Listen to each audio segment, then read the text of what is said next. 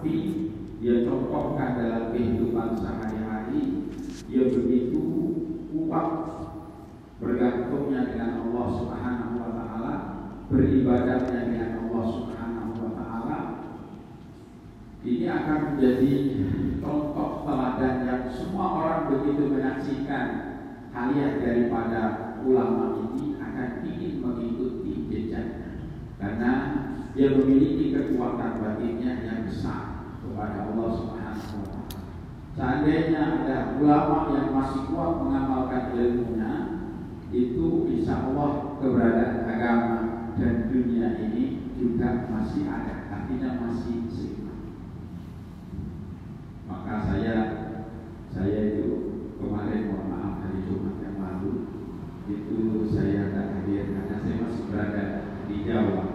Saya itu kehilangan dua sosok guru saya yang kebetulan perempuan dan laki-laki.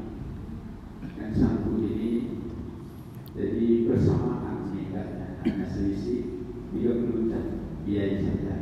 Iya, di Syawal. Padahal dua minggu yang lalu saya juga nanya saya itu beliau datang kemari itu yang kebetulan yang perempuan itu adalah kakak saya kakak saya tak menyangka juga beliau tidak sakit habis ngaji malam minggu ngaji semuanya banyak pengajian umum minggu pagi dilanjutkan pengajian al-hikam oleh Jai Mahfud itu masih sehat sore asar itu dia mau sholat ini yang uniknya sore mau sholat ditunggu sama istri dia yang kebetulan dia itu istrinya empat istrinya empat tinggal satu rumah tapi tidak satu kamar kamarnya beda-beda yang menikahkan itu semua kakak saya itu yang menikahkan yang lama itu dulu adalah kakak saya dan memang beliau itu dia punya kelebihan dari dari gadisnya pun sudah begitu kuat sekali ibadahnya. Jadi kalau Quran itu waktu ini saya cerita kebaikan orang yang sudah meninggal. Kalau Quran itu hari-hari sudah menjelang akhir hayat ini dari kamarnya ke kamar mandi, kamar tamu. Sudah cuma itu kan aktivitasnya. Qurannya dua hari sekali, dua hari sekali.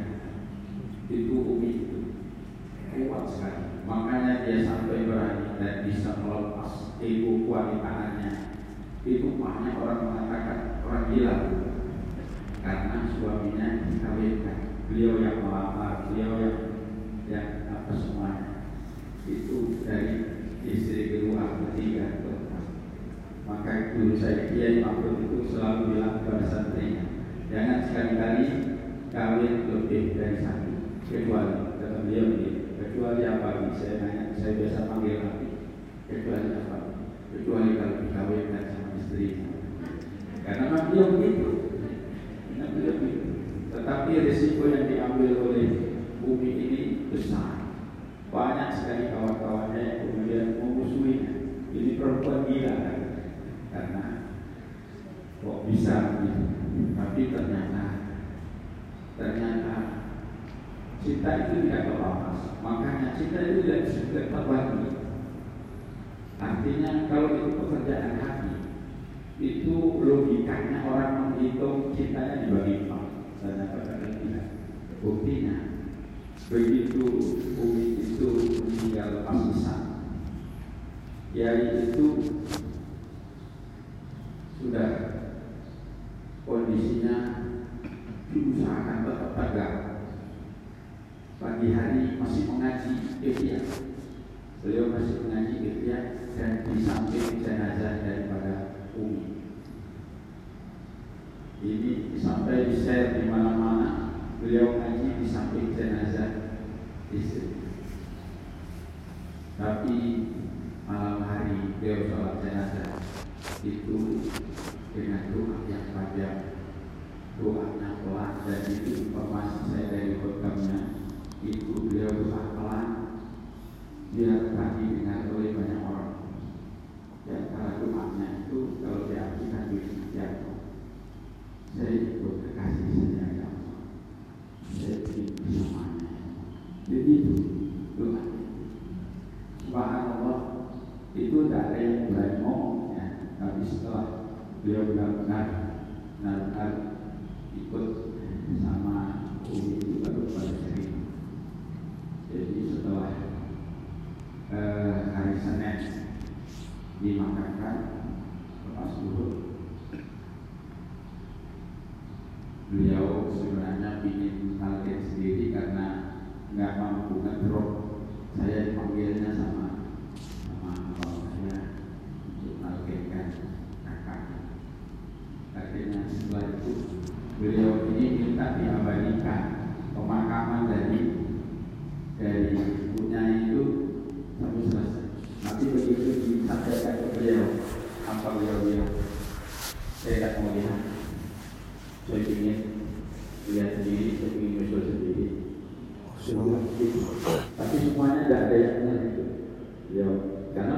terima tamu.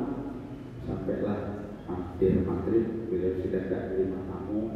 Nah, singkat cerita tengah malam jam 12 beliau sudah mulai baca pikir sendiri, baca fikir-fikir, baca aurat-aurat dari dulunya semua dibaca jam satu lebih itu beliau pakai kecil bersolawat lagi jam satu dua lima beliau pun menyusul beliau menyusul menyusul bumi itu dua.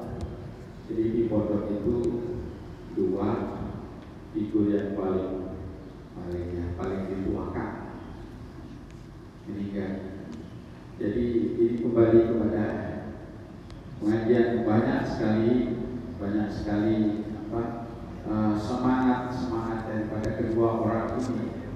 Yang selama ini memang kita ikuti baik cara bagaimana cara ibadahnya syariatnya yang begitu kuat. Untuk mendidik santrinya dengan tanpa apa semuanya tidak tidak menyadari bahwa perpisahan itu ternyata sifat itu dan dua-duanya sekaligus. Hanya selisih sekitar 30 jam.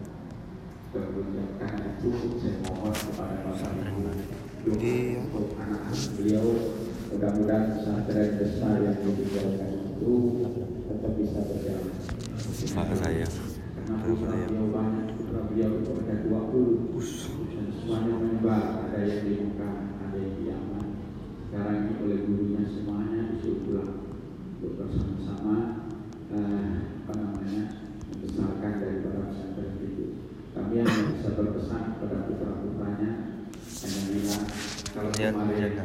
Kiai Mahfud itu cuma satu, sekarang Kiai Mahfud menjadi lima belas. Saya bilang itu kalian-kalian ini adalah Kiai Kiai Mahfud.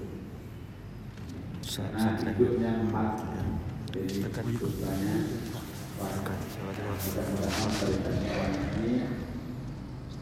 mengembangkan anak dari abahnya dan saya yang jauh di Kalimantan selalu berharap nah, semangatnya dia itu tidak hanya di sana saya mengharap semangatnya beliau itu bisa menyebar sampai ke sini artinya mudah-mudahan putranya tidak kumpul semua.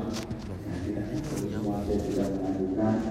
Ingin saya berharap berfirman sama beliau melalui putranya saya ingin mengajak salah satu di antara mereka yang mau untuk bisa kami bawa ke Kalimantan. Ya mudah-mudahan mudah-mudahan dia mulai mohon doanya Al-Fatihah Bismillahirrahmanirrahim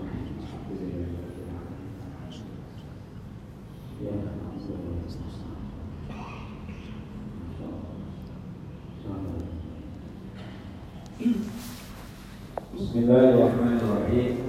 Sekali lagi kembali kepada yang nomor dua bahwa mada para ulama yang paling bima ani inilah amri wa ini yang nomor dua selama para ulama mengamalkan ilmu bal juhala la yastakbiruna amma lam ya'lam selama orang-orang bodoh tidak sombong dari sesuatu yang mereka tidak tahu. Ila ya'rifuna wa la yaqtani'una. mereka tidak berpaling serta tidak mencegah dirinya minta alumi dari belajar sesuatu yang mereka belum.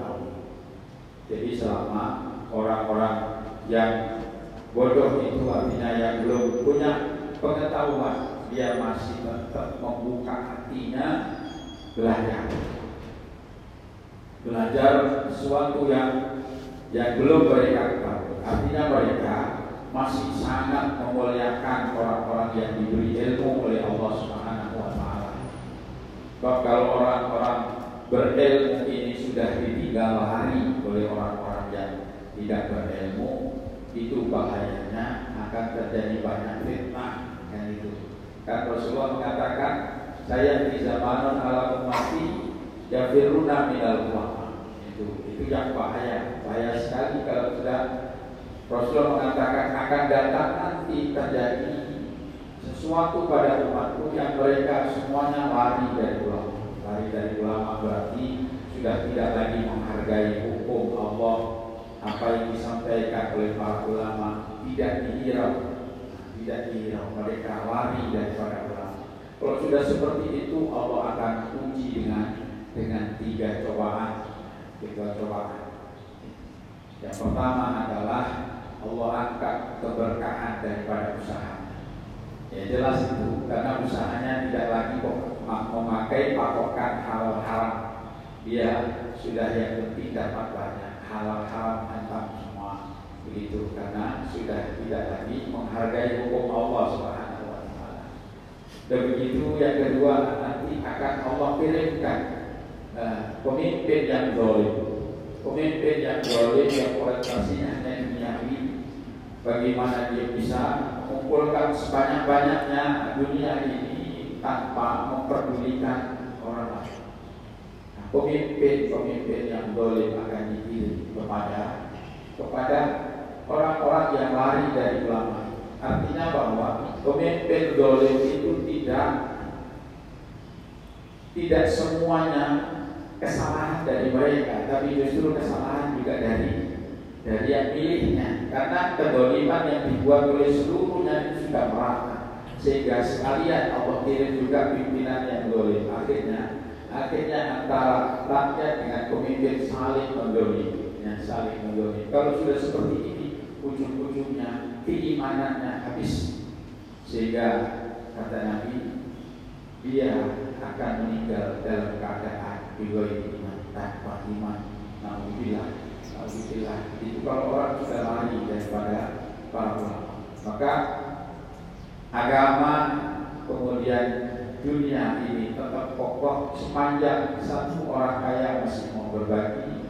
Orang berilmu mengamalkan ilmunya. Orang bodoh masih mau membuka diri untuk belajar bukan bodohannya atau sesuatu yang mereka tidak tahu.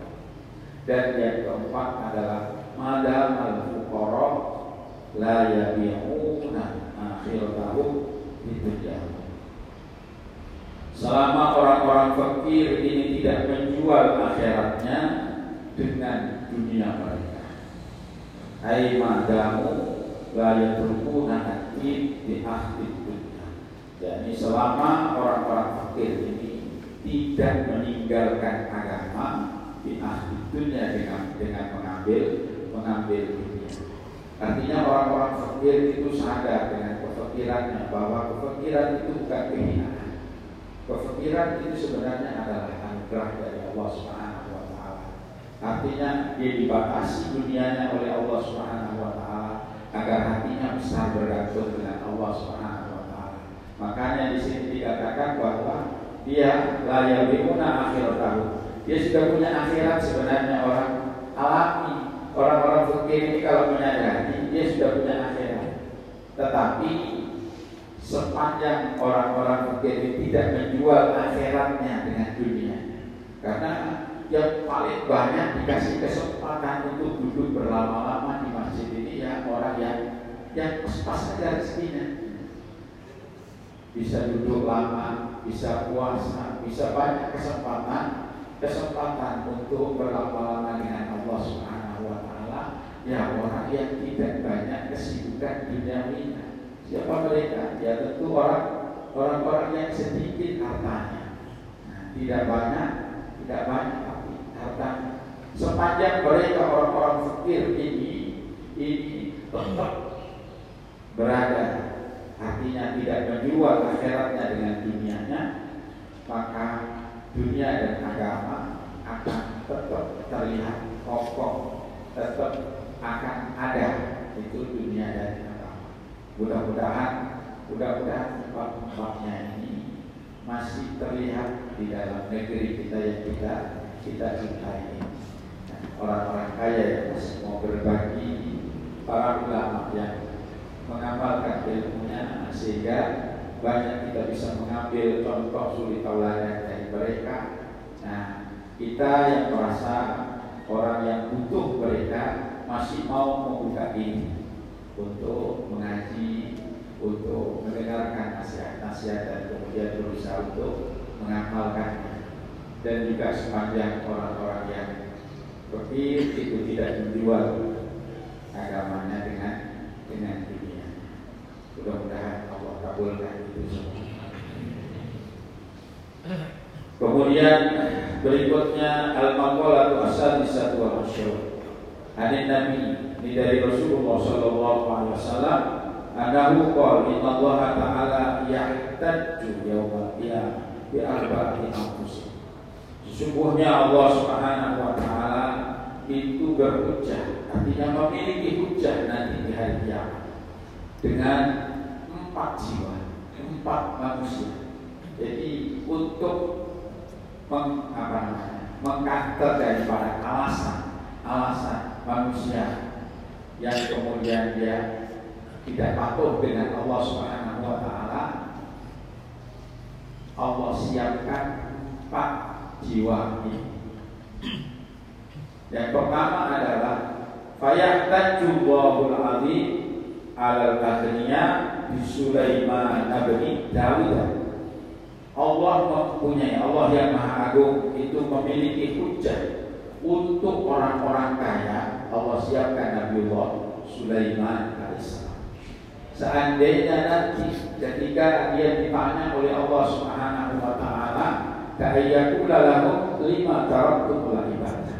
Seandainya nanti ataupun uh, Allah bertanya kepada mereka di taraktum ibadah kenapa kalian dan ibadah seandainya Allah bertanya kepada orang-orang kaya ini ditanya begitu kenapa kalian dan ibadah? Kemudian Pak Iqalu nahnu mas'uluna bil amwal wal mamlakah kalau orang-orang kaya ini kemudian jawab dan jawabannya begini nahnu mas'uluna. Kami semua sibuk ya Allah kami semua sibuk bil amwali dengan harta-harta kami wa wal memlakati dan kerajaan-kerajaan kami. Nah, sehingga kami tak bisa ibadah. Bagaimana saya bisa ibadah di Pontianak aja perusahaan saya udah keluar nah, jam sekian harus ada sekian di sini jam sekian di sini jam sekian di sini nanti pergi ke sana ke sana ke sana nggak sempat ibadah kalau dia bilang begitu, Allah siapkan itu Nabi Sulaiman alaihissalam. Allah akan bertanya, wa qala Allahu lahu qala Allahu lahu fa ayyu mamlakatin akbar min mamlakati Sulaiman. Saya bertanya kata Allah, Allah berfirman kepada mereka kerajaan mana yang lebih besar min mamlakati Sulaiman daripada kerajaannya Sulaiman? Wa ayyumalin aksarul mali dan banyak banyak mana harta harta kalian dengan hartanya dia. Wa lam yatrufil ibadah padahal sama sekali keberadaan dia tetap tidak pernah meninggalkan ibadah jadi Nabi Sulaiman itu kerajaannya tidak hanya menguasai makhluk Allah berupa manusia seluruhnya itu bisa dikuasai oleh Nabi Allah Sulaiman. Bahkan Nabi Sulaiman itu ilmunya ngerti bahasanya binatang, semuanya itu semua tunduk sama Nabi Allah Sulaiman alaihissalam. Allah siapkan orang-orang yang dikasih kekayaan, dikasih kesibukan itu nanti kalau jawabannya saya sibuk ya Allah, saya tidak sempat ibadah. Nah, Sibuk mana kamu dengan Nabi Sulaiman? Kaya mana kamu dengan Sulaiman? Banyak mana hartamu dengan dengan Sulaiman? Dia tidak pernah meninggalkan ibadah. Itu Allah akan siapkan Nabi Sulaiman untuk hujah bagi orang-orang kaya yang merasa sibuk dan kemudian meninggalkan ibadah dari Allah Subhanahu Yang kedua, Allah taala al-abidi Yusuf. Allah siapkan orang-orang yang jadi hamba, orang-orang yang jadi hamba, jadi pelayan, yang kemudian dia sibuk melayani umatnya. Allah siapkan Nabi Yusuf alaihissalam. Nabi Yusuf itu ta'iyakula lahu falam tatruk al-ibadah. Lima taraktumul ibadah. Seandainya Allah bertanya kepada mereka, kenapa kalian tinggalkan ibadah?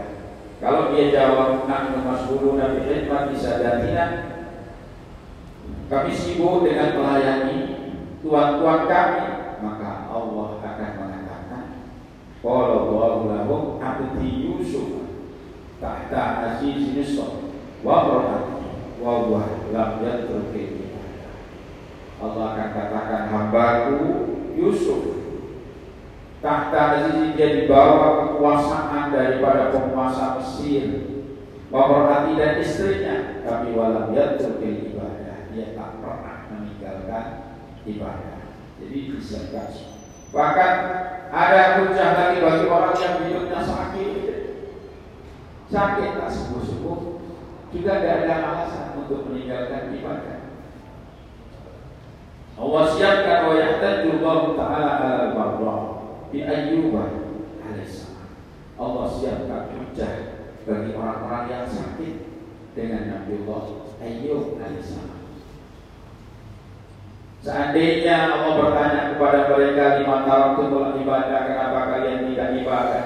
Tapi kemudian mereka menjawab, "Nahnu bahwa kami semuanya pada sakit." Kami maka Allah akan siapkan jawaban abdi ayyuba marida maradan syadida wa huwa lam yatutil ibadah. Kata Allah, hamba Ayub itu sakit dengan sakit yang hebat, dengan sakit yang sangat, tapi dia tidak pernah meninggalkan ibadah. Nabi Ayub itu dari mulai ujung rambut sampai kaki itu digerogoti oleh ular yang tersisa tinggal lidah dan hati saja karena memang itulah yang diminta agar dia tetap bisa berpikir kepada Allah Subhanahu wa taala.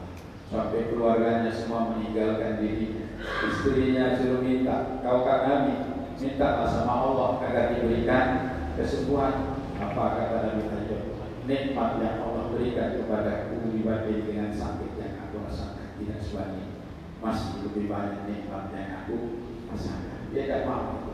Sampai ada bisa lebih ayam itu kalau mau ambil air wudhu itu ulatnya ditaruh dulu ini dikembalikan lagi. Itu sampai seperti itu. Allah siapkan Nabi Muhammad alaihissalam bagi orang yang sakit bagi orang yang sakit yang alasan untuk tidak ibadah Allah siapkan. Hamba Ayub dia sakit sangat tapi tetap tidak pernah meninggalkan ibadah. Kemudian wayahtan Allah Taala ala fuqara. Yang keempat Allah siapkan itu untuk orang-orang fakir juga.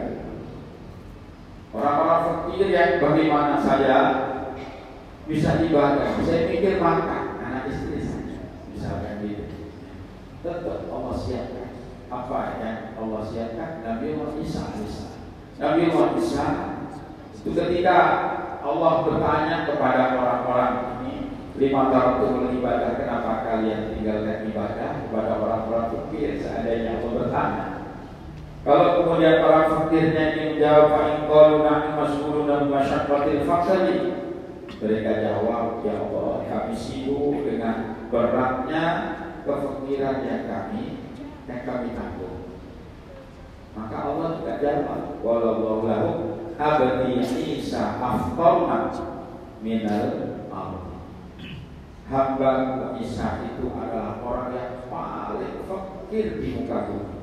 Wa lam yamlik syai'an minad dunya. Dia tak memiliki apa pun dari dunia. tidak memiliki apa pun dari itu Nabi Isa. Nabi Isa bahkan balai salahu baitun. Beliau itu tak punya rumah, wala malu tak punya harta, wala zaujatun dan tak punya istri. Itu Nabi Isa. Sudah bisa dibayangkan rumah tak ada, harta tak ada, istri tak ada. Kalau orang-orang yang masih, mohon maaf, yang pekerjaannya ya seperti masih ada istrinya masih ada, dia masih punya anaknya, artinya masih punya harta.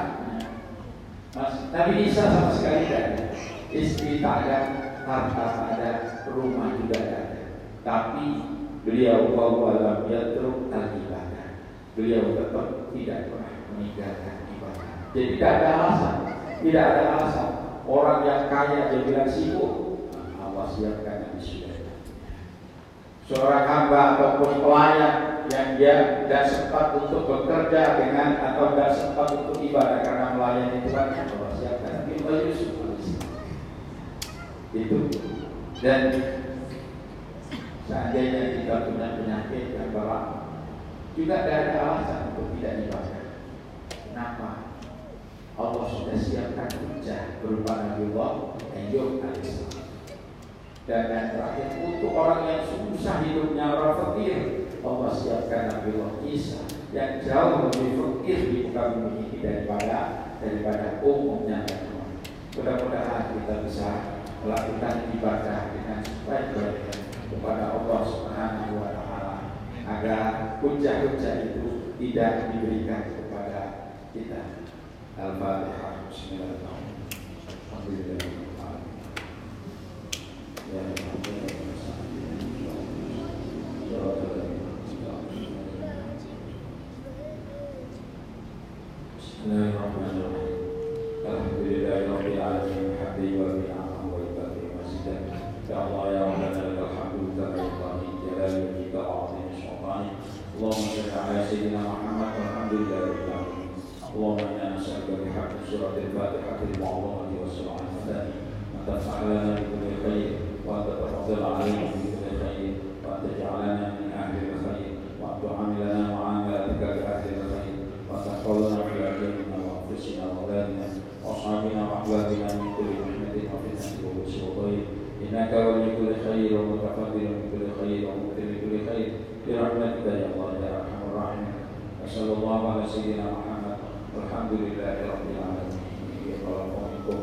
Assalamualaikum warahmatullahi wabarakatuh.